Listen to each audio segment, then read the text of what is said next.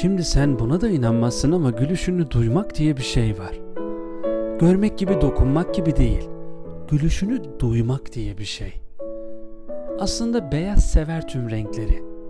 Kirletiyor diye belki de hiçbirini sevmez diye düşündüler hep. Ne kaybediyorsak bu ön yargıdan. Bu kadar abartmasaydık içimizde Nietzsche bile daha kolay yazılabilirdi. Ne diyordum?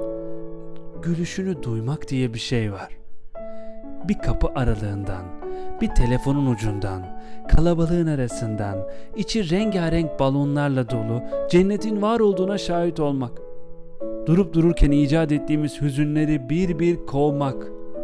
Gülüşünü duymak. İnce belli bir çay bardağına tavşan kanı şiirler koymak. İçimdeki çocukları bahçeye çıkarmak. Ne kaybediyorsak bu duygusallıktan. Bu kadar abartmasaydık içimizde. Ben bu kadar anlatmasaydım mesela. Sen bu kadar güzel gülmeseydin, dünya mecburen dönseydi.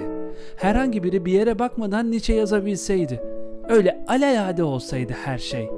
Her renk gri, her kalp atması gereken aralıkta atsaydı. Freud kafa karıştırmasaydı. Yetişmeye çalışmadan heyecansız, canlı ama cansız yaşasaydık. Ne diyordum? Gülüşünü duymak diye bir şey var.